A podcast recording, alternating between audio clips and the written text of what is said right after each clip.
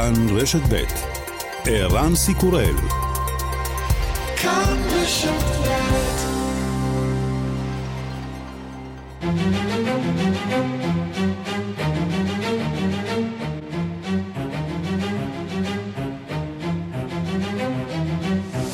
השעה הבינלאומית 2 באוגוסט 2022 והיום בעולם. ארצות הברית מודיעה בשבת חוסל מנהיג אל-קאעידה איימן אל-זוואהירי. Now, justice has been delivered, and this terrorist leader is no more. People around the world no longer need to fear the vicious and determined killer. The United States continues to demonstrate our resolve and our capacity to defend the American people against those who seek to do us harm. הצדק הושג והטרוריסט הזה לא כאן יותר. אנשים בעולם לא צריכים לחשוש עוד מהרוצח המרושע והנחוש הזה. ארצות הברית ממשיכה להפגין נחישות ויכולת להגן על העם האמריקני מפני אלה המבקשים להרע לו.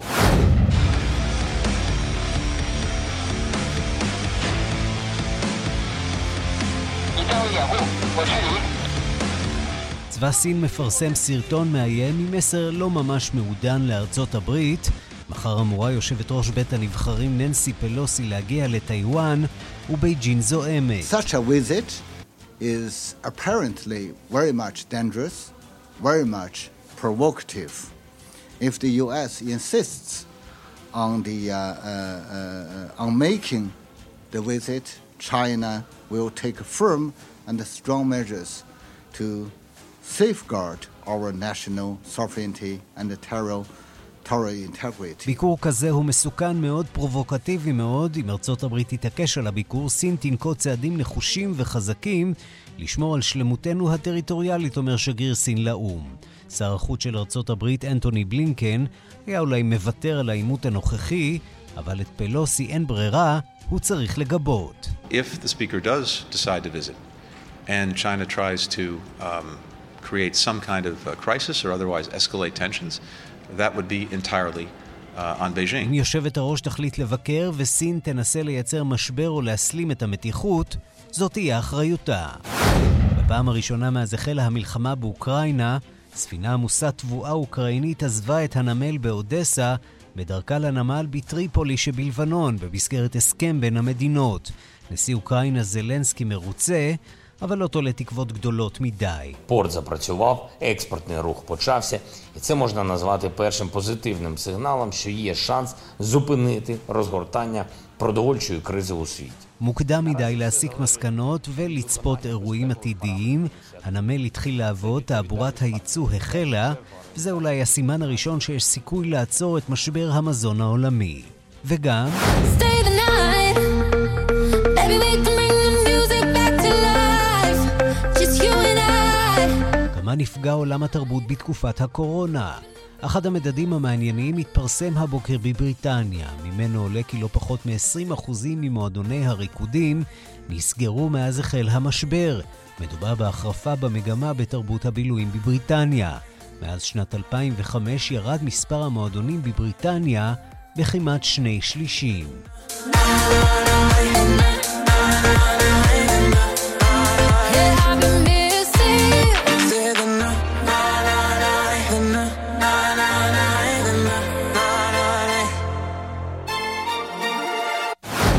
השעה הבינלאומית שעורכת נועה אקסינר, מפיקות אורית שולץ והדס סיוון, בביצוע הטכני שמעון דוקרקר, אני רנסי קורל, אנחנו מתחילים.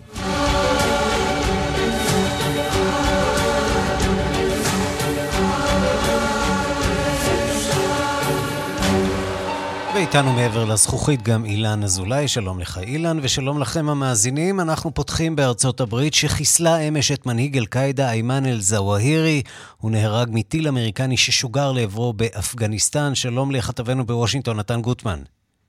שלום ערן. בבית הלבן חוגגים את אה, הצלחת המבצע שהוכיח אה, שגם לארצות הברית יש יכולת אה, לפעול באפגניסטן, גם אחרי נסיגת כוחותיה מהמדינה. זה חיזוק שהנשיא ביידן היה זקוק לו ובא בזמן טוב.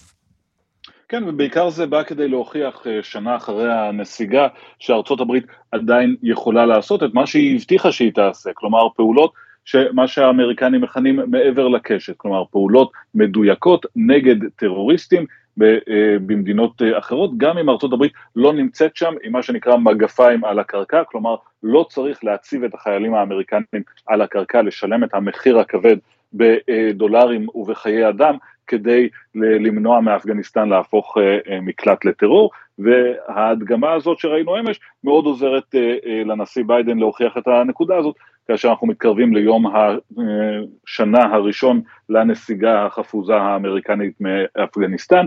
איימן אל-זוהירי מזכיר סגן, היה סגנו של ויד ימינו של אוסמה בן לאדן, אחרי הריגתו של בן לאדן לפני 11 שנים, בעצם אל-זוהירי השתלט על הארגון והוביל אותו, לא אותו ארגון אל-קאעידה שהכרנו מהעבר, אלא צל די חיוור שלו, ובכל זאת, לדעת האמריקנים, הוא היה גורם משמעותי, הוא המשיך לעודד לבצע פעולות טרור, וגם אם אה, אה, זה לא היה אותו איום כמו שהיה לפני עשר או עשרים שנה, עדיין היה חשוב לאמריקנים להוציא לפועל את הפעולה הזאת, גם מתוך נקמה כמובן, וגם כדי להבטיח שהארגון הזה לא יחזור ויאיים על אמריקנים. הנה כך נשמע הנשיא ביידן בהודעה מיוחדת לאומה האמריקנית אמש.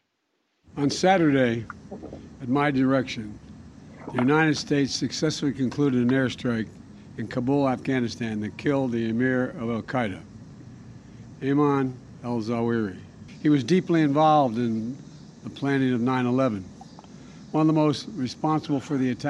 ביום שבת בהוראתי, אומר הנשיא ביידן, ארה"ב ביצעה בהצלחה התקפה אווירית באפגניסטן והרגה את אמיר, אמיר אל-קאעידה אימן אל-זוואהירי, הוא היה מעורב עמוקות בתכנון פיגועי 11 בספטמבר, שבהם נהרגו 2,977 בני אדם על אדמת אמריקה, והיה מעורב במשך עשורים בהתקפות נגד אמריקנים, אלה דברי הנשיא.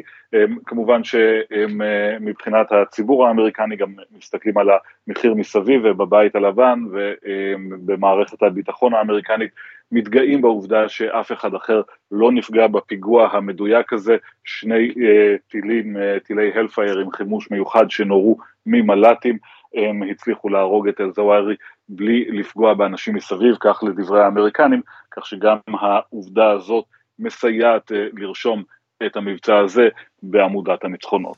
נתן גוטמן, כתבנו בוושינגטון, תודה. תודה רבה. ושלום לראש התחום האוויר רועי קייס. שלום ערן, צהריים טובים. אתה יודע, אני uh, כתב חוץ בערך uh, 20 שנה. Uh, אני לא יכול לספור את מספר הפעמים שבהם התבקשתי להכין דיווח על דיווחים על חיסולו של איימן אל-זוואהירי, והנה זה סוף סוף קרה אחרי 20 שנה. נכון, תראה, איימן אל-זוואהירי הוא דמות באמת מוכרת מאוד בג'יהאד העולמי, הוא בן 71, במקור הוא במצרים, רופא מנתח במקצוע, כמו שנתן אמר, הלך יד ביד עם אוסאם בן לאדן, שאותו החליף במשך שנים רבות. יש עניין עם הרופאים האלה שמתהפכים, נכון? נכון? אתה יודע, הג'יהאד העולמי בנוי מלא מעט רופאים במצרים, רופאים מצרים, דוקטורים מצרים, מהנדסים. הוא היה גם הרופא האישי של בן לאדן, נחשב לדור המייסדים של אל-קאעידה, לקח חלק משמעותי גם בהתקפות הטרור על שגרירויות ארה"ב בקניה ובטנזניה ב-1998, כמובן גם בהתקפות הטרור על מגדלי התאומים בספטמבר 2001. הוא היה יעד לחיסול שנים רבות, הצליח כל פעם להינצל. הוא התחיל את דרכו בפעילות הג'יהאד במצרים, הצטרף לשורות האסלאמיסטים הקיצוניים, עמד בראש ארגון הג'יהאד המצרי, שבשנות ה-90 הוא הפך גם למנהיג שלו. ארגון טרור, צריך להגיד, שפעילותו נאסרה בחוק במצרים, הוא ישב בכלא שלוש שנים בגין מעורבותו ברצח נשיא מצרים המנוח סאדאת ב-1981, והוא גם נידון לעונש מוות במצרים ב-1999, שבהיעדרו, אחרי שארגון הג'יהאד, שבראשו עמד ביצע כמה התקפות בתוך מצרים. הוא לא היה במצרים אז, הוא מאז שנות, סוף שנות ה-80, ההערכה היא שהוא לא נמצא במצרים, הוא הסתובב בין סעודיה, סודאן, ארה"ב, אפילו השתקע באפגניסטן, היכן שהוא חוסל uh, השבוע. במידה מסוימת, אחרי שהחליף את בן לאדן, ארגון אל-קאעידה נכנס לתקופה של שקיעה. הוא לא הצליח לסחוף תומכים כמו בן לאדן, הוא התקשה להשתלט על השלוחות של אל-קאעידה באזורים השונים. בעשור האחרון גם הוא התמודד עם ארגון דאעש, שלמעשה תפס לו את הבכורה. ואל-קאעידה כבר לא היה ארגון מספר אחת במגרש של ארגוני הג'יהאד העולמי, עד לכדי התנגשות חזיתית בין אל-קאעידה לבין דאעש, בעיקר בסוריה, הפיצול הגדול בין ג'בהת א-נוסרה לבין דאעש של אבו בכר אל-בגדדי. בשנים האחרונות ארגון אל-קאעידה בהנהגת א-זוואירי כיוון למקומות פחות מרכזיים במזרח התיכון. הוא תחזק שלוחה חזקה מאוד בתימן, ניסה לתפוס מאחזים באפריקה, באסיה. במילים אחרות ניסה להמציא את עצמו מחדש. הפיגוע האחרון של קאעידה קיבל עליו אחריות במערב איראן היה אי שם ב-2020, כמה חודשים אחרי פיגוע ירי בצי האמריקני בפלורידה, אז קצין קצין סעודי ירה למוות בשלושה בני אדם, פצע עוד כמה אחרים. בשנים האחרונות, אה, וגם צריך להגיד ב-20 שנה מאז אסון התאומים, זווארי היה במחשכים, מעת לעת הפציע בסרטונים כדי להוכיח שמצבו טוב, אחרי כמה גלי שמועות על מצבו הבריאותי, וכך הוא נשמע בסרטון האחרון שלו לפני כמה חודשים, חודש אפריל, מספר על שיר שכתב לאישה מוסלמית בהודו, שים לב, שאחרי שאילצו אותה להוריד את החיג'אב, בוא נשמע. كبرت في هند فرد مكبرين. في القدس في كشمير كل المؤمنين فانهدت الأصنام. כן, אז זה איימן א-זווארי. גם רופא, גם טרוריסט, גם משורר, איש מלא ניגודים. הוא אומר, כתבתי כמה מילים למרות שאיני משורר, שיבחתי את אלוהים בהודו וירושלים ובקשמיר, כל המקומות המאמינים, והאלילים קרסו, אה, קרסו מתחת לרגליהם של המאמינים. עכשיו, תראה, חשוב לומר שהשפעתו של זווארי, שקיבל מחסה באפגניסטן בחסות שלטון טליבן, אחרי הנסיגה של ארה"ב, הייתה פחותה יותר עם השנים. הוא לא הצליח להיכנס לנעליים של, אה, של אה, בן לאדן, מצבו גם של הארגון לא היה מזהיר בשנים האחרונות. גם הנסיגה של דאעש, כלומר התבוסה של דאעש בשטחים השונים, לא החזירה את אל-קאעידה לגדולתו. ועכשיו נשאלת השאלה מי יחליף את א-זווארי. בבורסת השמות יש גם את סייף אל-עדל המצרי, גם כן מדור המייסדים. ויש גם את קרוב משפחתו של זווארי, שים לב, עבד רחמן אל-מריבי. מה שברור שמנהיגי ארגוני הטרור אה, חשופים בה יותר מתמיד בשנים האחרונות. בתוך כמה חודשים ארצות הברית מצליחה לחסל גם בסוריה וגם באפגניסטן בהתאמה את מחליפו של מייסד דאעש של בגדדי ואת מחליפו של מנהיג אל-קאעידה בן לאדן, וזה אומר לא מעט על המצב של הארגונים האלה בעת הנוכחית. בוא נצרף אלינו את אה, פרופסור בועז גנור, אה, מנכ"ל המכון למדיניות נגד טרור באוניברסיטת רייכמן. שלום לך. פרופסור גנור? כן, פרופסור גנור מיד יהיה איתנו. אז רועי, עד שפרופסור גנור יצטרף אלינו, אני רוצה לשאול אותך, אה, עד כמה מדובר באמת במנהיג של ארגון טרור שהוציא פעולות בעת האחרונה, או שאולי מדובר במידה רבה במנהיג בדימוס? אז אה, תראה, זו שאלה מאוד טובה, ערן, כי אני חושב שבסופו של דבר, אה, מה שקרה השבוע, כלומר, החיסון הזה השבוע הוא בעיקר סמלי הרבה יותר מאשר מה שנקרא אופרטיבי. כלומר, ברור שממשל ביידן מציג את זה כחיסול משמעותי, שכלומר עדיין אזווארי אה, ניסה להוציא פיגועים ועדיין הכווין והכל טוב ויפה, אבל בסופו של דבר יש לזה הרבה יותר משמעות סמלית, אזווארי היה הסמל, הוא היה יד ימינו של אה, בן לאדן, אה, מספר 2 הנצחי אם תרצה, שלא הצליח גם להתעלות ולהפוך למספר אחת, לפחות לא כמו בן לאדן, אז אני חושב שיש פה באמת הרבה מאוד סמליות, כשכמו שנתן הזכיר, אתה יודע, אנחנו מתקרבים לבחירות אמצע בארצות הברית, ואני חושב שאין ספק שמבחינת, שמבחינת ביידן זה טוב זה מאוד. זה מועיל אולי. לביידן, מועיל למפלגה הדמוקרטית, אז בואו נצרף באמת את אה, פרופסור בועז גנור, מנכ"ל המכון למדיניות נגד טרור באוניברסיטת רייכמן, שלום לך. שלום רב. אז התחלנו לדבר כאן על אה, הדור הבא של אל-קאעידה. אם בכלל, אה, הארגון הזה גמור, או שיש לו תקומה אני חושב שקשה להספיד אה, ארגוני טרור, בוודאי ארגוני טרור אידיאולוגיים, בוודאי ארגוני טרור אידיאולוגיים אסלאמיסטיים. אה, אתה יודע מה, הייתי, הייתי מדמה את זה לאופנה. אופנה חולפת, אופנה יכולה לחזור, אופנה יכולה אה, להיות מוחלפת על ידי אופנה אחרת. אז בעניין הזה, האופנה החדשה זה לא אל-קאעידה. אל-קאעידה הוא כבר שנים לא האופנה בעולם האסלאמיסטי אה, אה, הגלובלי, זה דאעש. ודאעש תפס את מקומו של אל-קאעידה, וזוואירי שניסה אה, לשמר משהו מהעילה של אל-קאעידה, לא ממש הצליח. אה, אותם אה, ארגוני חזית של אל-קאעידה במקומות שונים בעולם, שתחת בן לאדן נשבעו את אמונתם למנהיג, די הפנו כתף קרה לזוואהירי והעדיפו את אבו בכר אל-בגדדי אה, במקומו, ודווקא חוקרי הטרור אה, ציפו לראות אולי תקומה מחדש של אה, אל-קאעידה אחרי התבוסה הגדולה של דאעש בשנים האחרונות בסוריה, זה לא באמת קרה. זהו, ואם ציפינו לראות איזושהי התעוררות של אל-קאעידה באפגניסטן בעקבות הקריסה של השלטון האמריקני שם, הכיבוש האמריקני, האמריקנים אה, עזבו, אבל צריך לומר שבינתיים אה, הטליבן, לפחות כך זה נראה, לא מעודד את המגמות האלה, לא מעוניין בהן, לפחות אה, בשלב הזה של ביסוס אה, מעמדו. אז אולי היה נכון אה, לגמרי עד אתמול, אבל היום אה, הרבה מאוד סימני שאלה צצים צצות סביב הטענה או הקביעה או ההבטחה של הטליבן שהוא לא יחזיר עטרה ליושנה, את עטרה של אל-קאעידה ליושנה בשטח אפגניסטן. והנה, מכל מקום בעולם אנחנו רואים שהסיכול הממוקד הזה, האמריקאי בוצע בבירה של אפגניסטן. אין ספק שזה היה תחת אה, עינם הפקוחה של, אה, של הטליבן, ולכן די ברור שהם לא מתכוונים לעמוד בהבטחה הזאת, וההשלכות של הסיכול הזה אה, יבואו לידי ביטוי גם במערכת היחסים עם המשטר של הטליבן, שכנראה הופך להיות שוב די משטר משוקץ שנותן חסות לארגון כמו אל-קאעידה. אה, פרופסור גנון, אני רוצה לשאול אותך, האם אתה חושב שעכשיו, אה, כלומר, אה, את מי אתה מסמן כרגע כמי שיכול להוציא את אל-קאעידה מהבוץ הזה? כלומר, אין ספק כן. שיש פה באמת עניין מורלי משמעותי, זווארי היה הסמל. עכשיו, השאלה הגדולה באמת, מי יכול, אתה רואה איזושהי דמות בארגון הזה שיכול להוציא אותו, להמציא את עצמו מחדש? רועי, אתה סימנת באמת שתי דמויות שמוזכרות, ואני... אה, הייתי שם דגש על אחת מהם, אותו סייף אל-עדל, אה, או בתרגום חרב הצדק, אם תרצה, אה, דמות מאוד מאוד מעניינת והייתי אומר מסוכנת, ולא הרבה יודעים על הדמות הזאת, אבל מדובר בעצם על פעיל בכיר של אל-קאעידה שברח מאפגניסטן כאשר האמריקאים נכנסו וקיבל חסות באיראן, אה, שם היו לו עליות ומורדות אה, במערכת היחסים עם המשטר האיראני. חלק מהזמן הוא היה בכלא, אחר כך שחררו אותו, היה במעצר בית, ואחר כך נתנו לו לנסוע למקומות שונים, הוא נסע לאפגניסטן וחוזר לאיראן.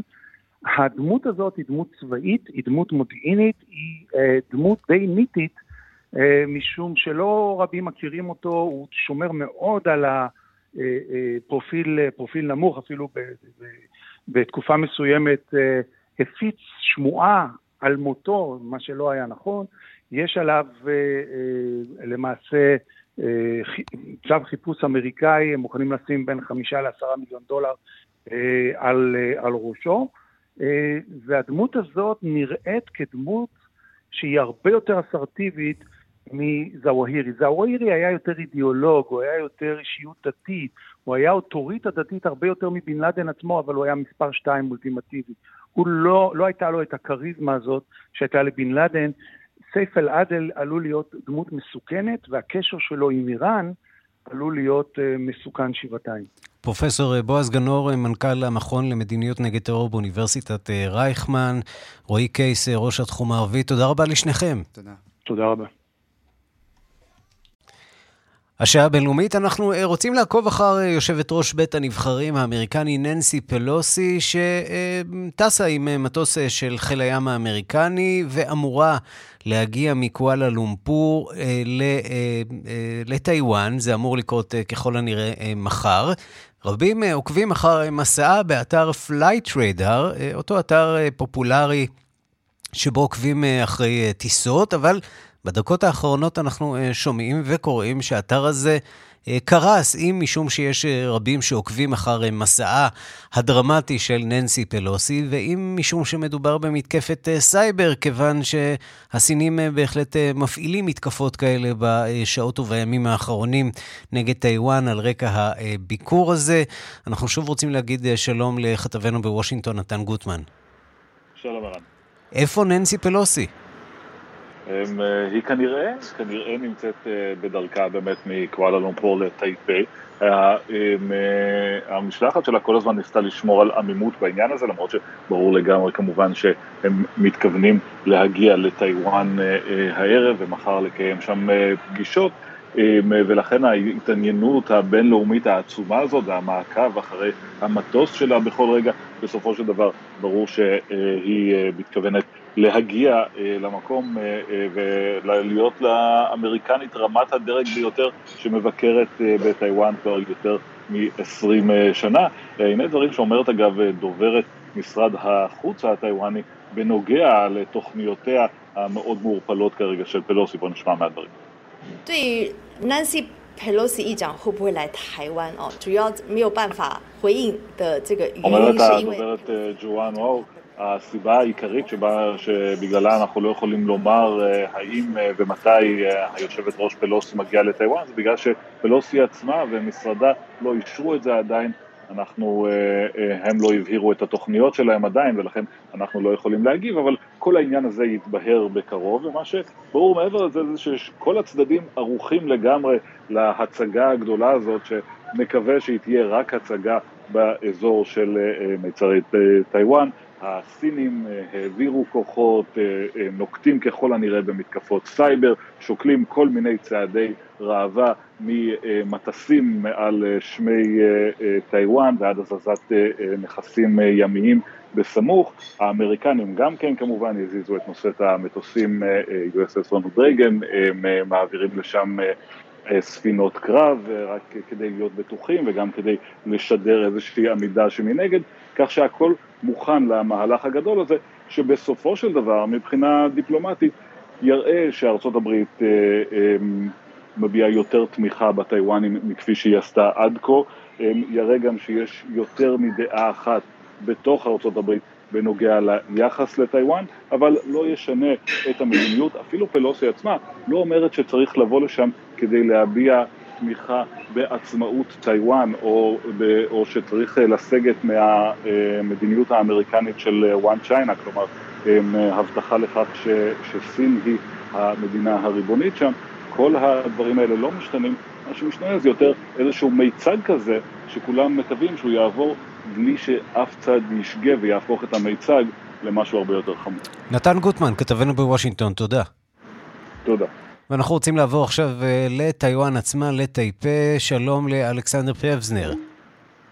ערב טוב, ערן. חוקר בכיר בחברת Strategy uh, Risks, כך זה נקרא? Strategy Risk, כן, כן, כן, הוא מרצה כן. על סין באוניברסיטת רייכמן, מן המרכז הבינתחומי בהרצליה. ספר לנו איך זה נראה משם, מטיוואן, כשאולי הידיעה הטריה של הדקות האחרונות היא הנפילה של אתר פלייט ריידר שעוקב אחר מסעה של ננסי פלוסי, אולי בגלל עומס יתר ואולי בגלל סוג של מתקפת סייבר. מזה בעיקר חוששים שם בטיוואן? בהחלט, הביקור הזה של פלוסי כבר הפך כמעט לתוכנית ריאליטי שכולם עוקבים אחריו. המצב בטיוואן הוא מיוחד כי אה, למעשה גם משרד החוץ הטיוואני למשל לא ממש מגיב לביקור, ככה זה תמיד כאשר הביקור הוא לא יזום על ידי טיוואן אלא יותר אה, יוזמה אמריקאית, וטיוואן היא כמעט צופה מן הצד בסיפור הזה, כי ברור שהסיפור האמיתי הוא סין ארה"ב וטיוואן היא בוא נגיד התירוץ, אז הצבא הטיוואני קצת העלה את הכוננות, אבל בסך הכל החיים פה אה, ממשיכים אה, כרגיל, אבל באופן כללי כמובן עם עליית האיום הסיני יש עלייה גדולה למשל ברמת האימונים בטיוואן בשנים האחרונות, כן? אתה אומר שהחיים אה, מתקיימים באופן אה, שגרתי, יש איזו תחושה של חשש, של פחד, שהפעם הסיפור הזה עלול אה, להתנפץ אחרת? יש חשש, כי מעבר לעובדה הפשוטה שזה באמת ביקור בדרג הכי בכיר כמעט שיכול להיות במצב הדיפלומטי בין ארה"ב לטיוואן, במידה מסוימת יש חשש מהתגובה הסינית, אבל בוא נגיד שהסינים גם לא, יכול להיות שהם קצת הופתעו אפילו מהביקור, כן? ברור שאין אין, כמה, אין הכנות באמת לפלישה לסינית לטיוואן, כי דבר כזה צריך, מצריך הכנה של חודשים אם לא הרבה יותר. אז כמובן שיש תוכניות סיניות לגבי טיוואן, אבל אנחנו לא קרובים למימוש. אנחנו גם השיח הפוליטי למשל בסין הוא למרות שיש הרבה עלייה באיומים, אבל האיומים הם בעיקר אה, כלפי אה, ארצות הברית, כן? פחות כלפי טיוואן. אבל אה, כמו שאתה יודע, כולנו הופתענו ב-24 לפברואר, בכל זאת מדובר בביקור מאוד מאוד בכיר שמתרחש אחרי תחילת המלחמה באוקראינה, אז מבינים שגם אם חושבים שהסיכון הוא לא מאוד גבוה, עדיף להיות מוכן מאשר לא מוכן. ללא ספק. תגיד, עד כמה, הזכרת באמת את uh, הסיפור של uh, אוקראינה, uh, עד כמה הכיבוש של רוסיה בחלקים נרחבים מאוקראינה משפיע על התיאבון הסיני באמת לסגור את הסיפור הזה אחת ולתמיד של טיוואן ולאחד אותה עם סין? טוב, זה מצריך תוכנית של שעתיים. אה, לדעתי... ננסה זה... בשתי דקות, כן. כן, לא, לא כולם יסכימו איתי, אבל יש חוקרים, ואני ביניהם, שחושבים שזה גרם לסין עוד יותר לעשות חושבים, שזה רק הרחיק hmm. את הפלישה לטיוואן, כי, ואני מבין משיחות שלי עם גורמים בסין, שגם התפיסה שלהם של רוסיה השתנתה לא בהכרח לטובה, בגלל, ה, בוא נגיד, הכישלון היחסי באוקראינה. אגב, אה, אנחנו שומעים את הקרמלין אה, מביע תמיכה כמובן בסין, ואומר שהביקור הזה הוא פרובוקטיבי, זו ככה ידיעה של נכון, נכון. השעות האחרונות, יש פה ניסיון בעצם לאחד שורות עם סין. בפירוש, דף המסרים הוא זהה לחלוטין, מדובר בפרובוקציה אמריקאית, ותשמע, בואו נודה על האמת, מדובר פה באינטרס פנימי אמריקאי מובהק אה, לקראת הבחירות, בשביל mm-hmm. בוא נגיד אה, לאותת תמיכה בטיוואן. או במילים אחרות אתה אומר, זאת אכן פרובוקציה אמריקנית. תראה, תלוי מאיפה אתה מסתכל על זה, אבל מבחינה פוליטית זה מצטלצל טוב בארצות הברית, אין שום ספק. ככה הסינים והרוסים רואים את זה. אבל הטיוואנים עצמם גם כן לא מאוד מתלהבים, כי זה בסך הכל זה מעלה את הסיכון, איך, ש, איך, שלא, איך שלא תסתכל על זה. אבל השינוי הגדול אה, שהפלישה הרוסית עשתה באוקראינה היא לא בסין, השינוי הגדול הוא בטיוואן. אה, במשך שנים רבות טיוואן לא לקחה את סין ברצינות. אם בגלל שפשוט התרגלו, כמו שאנחנו התרגלנו לחיות במזרח התיכון, mm-hmm. כן, אה, הצבא פה הוא לא, אמנם יש שירות חובה, אבל הוא ארבעה חודשים והוא די בדיחה. ואם בגלל שיש בתמימות מסוימת שכן באמת ארה"ב תגיע לעזרתם, אה, היום הרבה מבינים שאי אפשר לסמוך רק על ארה"ב אלא בעיקר על עצמם, ויש שינוי מאוד מאוד גדול במוכנות וברמת האימונים, זאת אומרת זה משהו שאתה פשוט מסתובב ואתה רואה שיש עלייה באימונים הצבאיים יש עלייה ברכש הצבאי כן, אתה רואה את זה בר, ברחובות? אתה רואה תנועה של אה, כוחות אה, צבא בביקור לא האחרון שלך? אבל, אה, ב, ב, לא ברחובות, אבל בוא נגיד שכן, אנחנו לא היינו פה כמובן בגלל המגפה, לא היינו פה שלוש שנים, אז אתה באופן מובהק, אתה פשוט רואה הרבה יותר מטוסים ומסוקים באוויר בכל מקום שאתה עובר, כי הצבא פשוט מתאמן, כי מבינים שאי אפשר לדעת, כן? תמיד חשב, כולם חשבו שלא יקרה שום דבר ובכל זאת פוטין פלש, אז אה, פה הסיפור הוא הרבה יותר מורכב, כן? כי מדובר באי שמרוחק 160 קילומטר אה, מסין, מצריך רמת כוחות שונה לגמרי, כן? פלישה אמפיבית בקנה מידה ש... לא יודע, לא ראינו מאז מלחמת העולם השנייה, לכן זה לא משהו שיקרה מחר, כי דבר כזה אפשר לראות, כן? היערכות לפלישה צבאית, לפלישה ימית, אבל עדיין מבינים שיש כאן, יש כאן, השינוי הוא מנטלי, והשינוי המנטלי בסופו של דבר יביא גם, כן, מדברים פה להארכת השירות הצבאי, בעיקר שירות, יש מילואים בטיוואן, בהיערכות של, של סוג, שיטת האימון וסוג האימון של הכוחות המילואים, כי מבינים שבשעת פקודה לא בהכרח שהאמריקאים יגיעו מחר, אלא שהטיוואנים צריכים לסמוך על עצמם. זה השינוי הגדול, לדעתי. טוב, וכל זה עומד אה, לקרות אה, מחר. אנחנו נמשיך להיות איתך בקשר, אלכס פבזנר, שנמצא שם בטייפה, חוקר בכיר בחברת Strategy Risks, מרצה על סין באוניברסיטת רייכמן, המרכז הבינתחומי בהרצליה. תודה רבה לך על הדברים. תודה, ערן. תודה.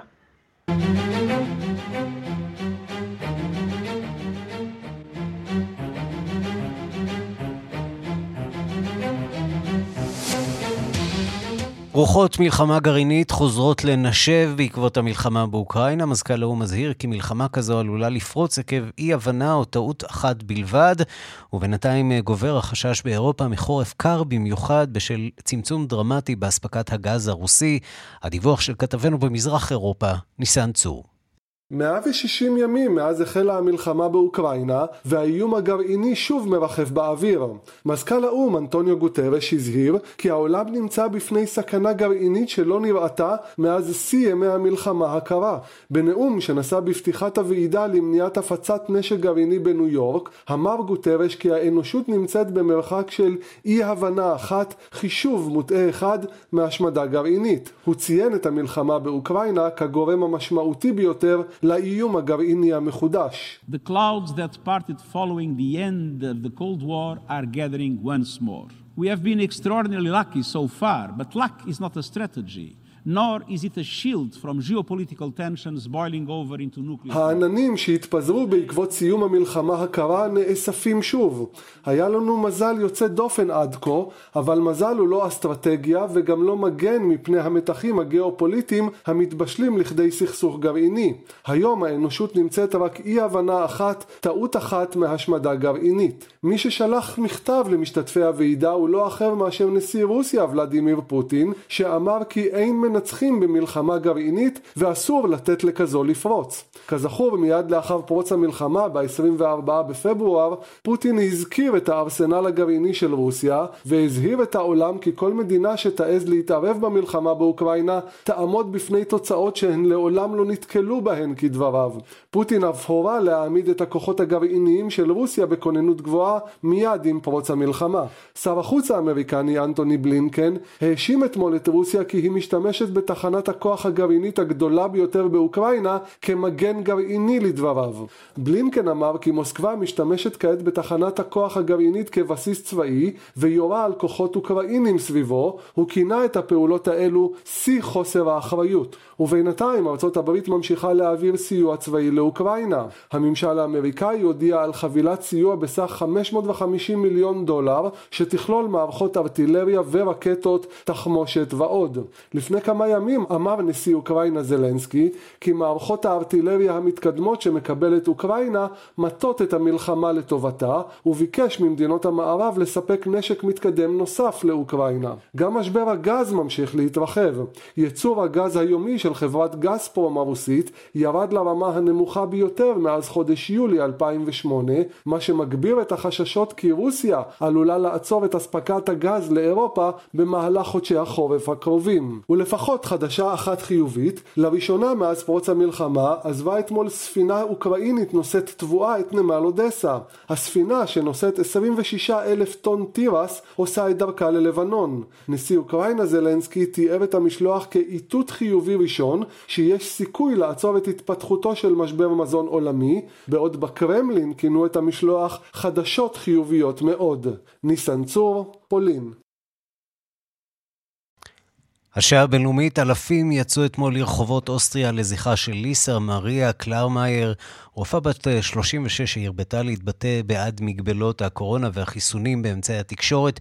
בשבוע שעבר היא שמה קץ לחייה לאחר חודשים ארוכים של איומים מצד מכחישי קורונה קיצוניים. שלום לכתבנו גיא ליכטנשטיין. שלום ערן. מה קרה שם? אה, שקרה זה שכמו שאנחנו גם מכירים בארץ, אה, לאורך החודשים האחרונים היא הרבתה להתבטא בטלוויזיה ובאמצעי התקשורת השונים אה, בעד המגבלות ובעד החיסונים. ויש פה באוסטריה תנועה ערה מאוד של מתנגדים לדברים האלה. כן, ו... ואז בעצם היא טענה בשבוע שעבר, ש... סליחה, בסוף יוני היא סגרה את הקליניקה שלה בטענה ש... אה, עלה לה מעל 100 אלף יורו מכיסה הפרטי אה, לאבטח את הקליניקה, דבר שהיא פשוט לא יכלה לעמוד בו וסגרה אותה. אה, ובשבוע שעבר היא שמה קץ לחייה, לאחר שיום אחרי שהיא נתנה ראיון שבו היא גם טענה שרשויות החוק הראו אוזלת יד בטיפול במקרה שלה. זאת אומרת, יש קשר ישיר בין האיומים שהיא ספגה להתאבדות שלה. כן, אין, אין שום ספק בכך. אה, היא נמצאה גם, אה, היא נמצאה מתה בקליניקה שלה, והתחיל, אה, ביום שישי החל קמפיין ספונטני ברשת בשם Yes We Care, שהוציא אלפים לרחובות, לכיכרות מרכזיות ברחבי אוסטריה, ואנשים הדליקו נרות במחאה שקטה כנגד השנאה וההסתה. לאורך השבועות האחרונים, קלרמר סיפרה לתקשורת על, על התנהלות אבסורדית של המשטרה, שפשוט טענו שאי אפשר למצוא את האיומים עליה, את מקורם, כי הם באים מהדארקנט.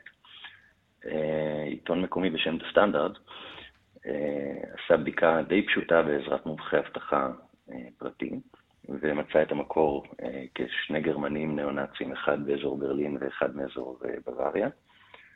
הנשיא אלכסנדר ונדר בלן ספד לה בטוויטר,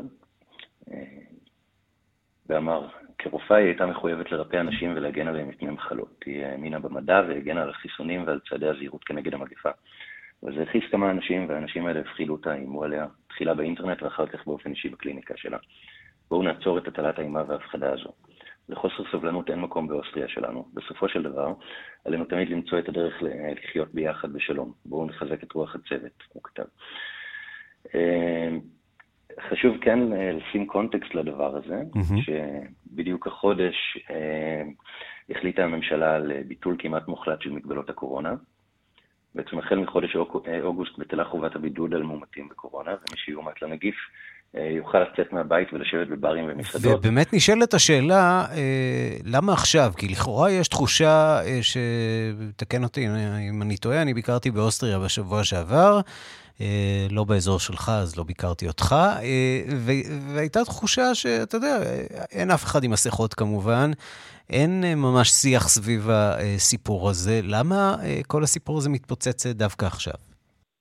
כי מתחת לפני השטח הסיפור עדיין קיים, זאת אומרת, יש גם, אה, ואני מאוד נזהר בדיווח הזה, יש אה, שמועות על סקרים פנימיים של מפלגת השלטון, שלפיהם, ושוב, לפי השמועות, אה, הם במקום השלישי אחרי מפלגת החירות המוכרת לנו, שהייתה מאוד מאוד פעילה כנגד כל, ה... כל מגבלות הקורונה וחובת החיסונים, שגם לא יצא לפועל בסוף, זאת אומרת, יצא לפועל אבל לא באמת נאכפה. ויש האומרים שמדובר פה בצד פופוליסטי שמנסה אה, להחזיר קולות מסוימים אה, לקרב המפלגה הזו. ההקשר שלה זה פשוט כי השנאה מעולם לא הופסקה. טוב, הסיפור הקשה הזה, סיפורה של אה, ליסה מריה קלרמייר, אה, רופאה כן. בת 36, ששמה קץ לחייה בעקבות הלחצים, בעקבות העמדה שלה נגד מכחישי הקורונה, גיא ליכטנשטיין. תודה. תודה. ואנחנו רוצים לומר לכתב חדשות החוץ אה, בן יניב, שלום לך. ערן, אתה שומע אותי? שומע אותך היטב. אנחנו אה, רוצים אה, לדבר על דובר הקרמלין פסקוב, שמתייחס לשיחות הגרעין עם איראן, והם מתייחסים כמובן הרוסים גם לעניין ביקורה של פלוסי בטיוואן, ביקור שצפוי להתרחש מחר. כן, אז נראה שהרוסים לא מפספסים הזדמנות uh, לטמון את ידם בצלחת בכל נקודה שבה מתגלה איזושהי מתיחות שאולי רוסיה אינה קשורה בה במישרין, אבל היא לגמרי תשמח אם ארצות הברית תסתמך, uh, תסתמך בחזיתות נוספות של העולם. אז דובר הקרמלין, דמיטרי פסקוב, מדבר לפני זמן קצר, והוא מתייחס לשיחות הגרעין עם איראן, והוא אומר כי רוסיה מייחלת לחידוש הסכם הגרעין. Uh, פסקוב מוסיף גם כי למיטב הבנתו עדיין מתקיימת עבודה בתחום הזה, ישנן מספר סוגיות על סדר היום, ובנוסף בנוסף ישנה מציאות חדשה הקשורה לצעדים הלא ידידותיים של מדינות המערב נגד רוסיה, אשר באופן עקיף מקרינות על תנאי ההסכם הזה. יש לסכם את הנושאים האלה, אבל כמובן שאנחנו נרצה לראות את ההסכם מתחדש בהקדם האפשרי. קצת שינוי אה, בטון אחרי כמה חודשים שבהם היה נדמה שרוסיה ואיראן לא נמצאות על אותו, אה, על אותו בוא נגיד, אותו צד של אה, שיחות הגרעין, אחרי אותה פסגה גדולה של שלושת המנהיגים, פוטין ואיברהים רייסי בטהרן אה, לפני כשבועיים. אנחנו רואים את אישור הקו הזה והתמיכה של רוסיה ואת הגב שרוסיה בוחרת להעניק לאיראן. גם נוכח גם, אנחנו רואים את ה... בוא נגיד הנסיגה אולי הרוסית מכל מיני הבנות עם ישראל בכל הקשור לסוריה. גם כן דבר שמשרת את האינטרס האיראני, דברים מעניינים של פסקוב.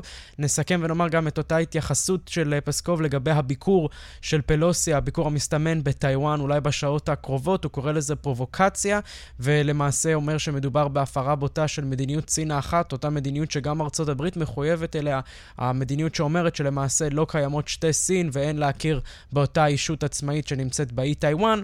נציין גם כן שבמקביל באותה חזית ישנם כבר יותר ויותר uh, תיעודים ברשתות החברתיות, uh, ברשתות החברתיות של סין בשם WeChat uh, וכדומה.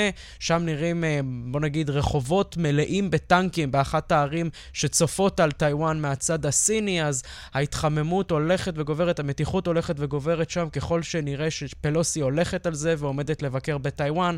אנחנו כמובן נמשיך לעקוב. כן, ויש חשש שצריך לומר גם ממתקפות סייבר, יכול להיות שהיעד כן, הראשון... כן, אתר, אתר הנשיאה, אתר נשיאות טיוואן נפל למשך כמה שעות, ככה אנחנו מבינים, וגם יש עכשיו דיווחים ראשוניים על איים קטנים שנמצאים מחוץ לאי המרכזי של טיוואן, שם הם מכריזים על איזשהו מצב כוננות לראשונה מאז 1996, אז הדברים שם הולכים ומתלקחים, לא ברור אם מישהו ירד מהעץ במה שנראה כמו איזושהי התלקחות לא ברורה, שלגמרי לא הייתה לה קלפים בין סין לארצות הברית. כן, וגם אתר אה, שעוקב ככה באדיקות אחר אה, מסעה של ננסי פלוסי, כן. והטיול של המטוס שלה. האתר הזה כרגע אה, קרס, עם משום אה, עניין יתר של הצופים, של הגולשים, או שיש כאן מישהו שלא רוצה אה, שידעו איפה היא נמצאת אה, כעת. בענייני, ואנחנו נמשיך אה, לעקוב בתקווה שהסיפור הזה לא יסלים אה, עד מחר. תודה. תודה, תודה, ערן.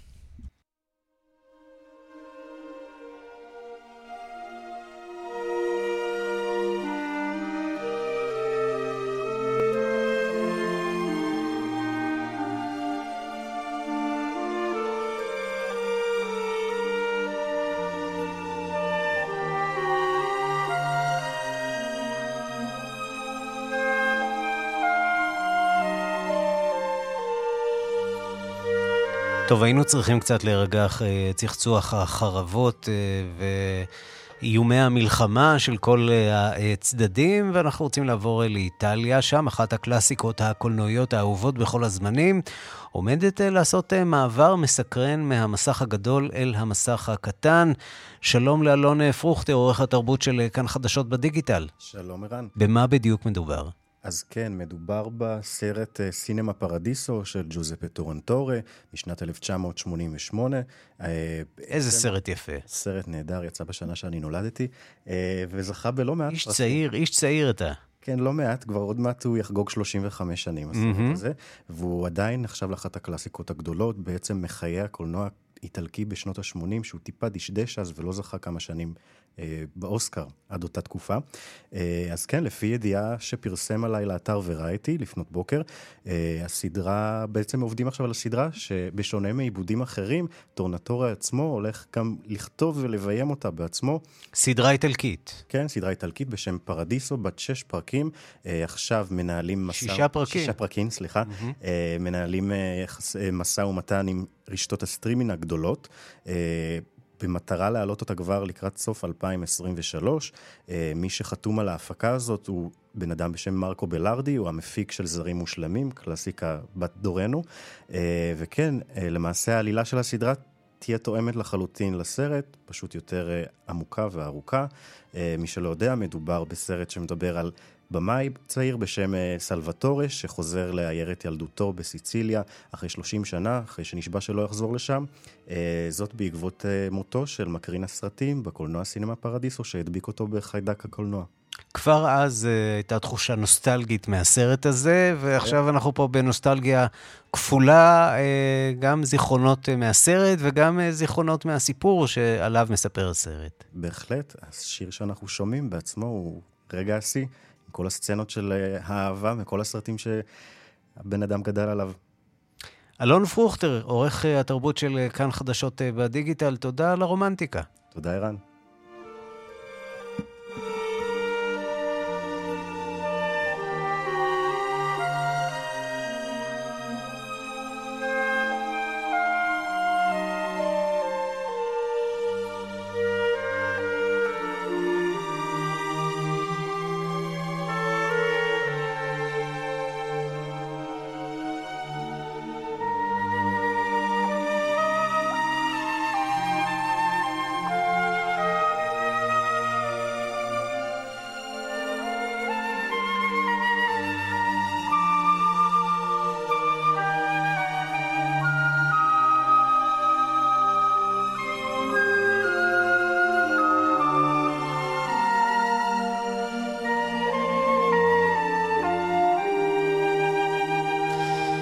איזה קסם של uh, מוסיקה.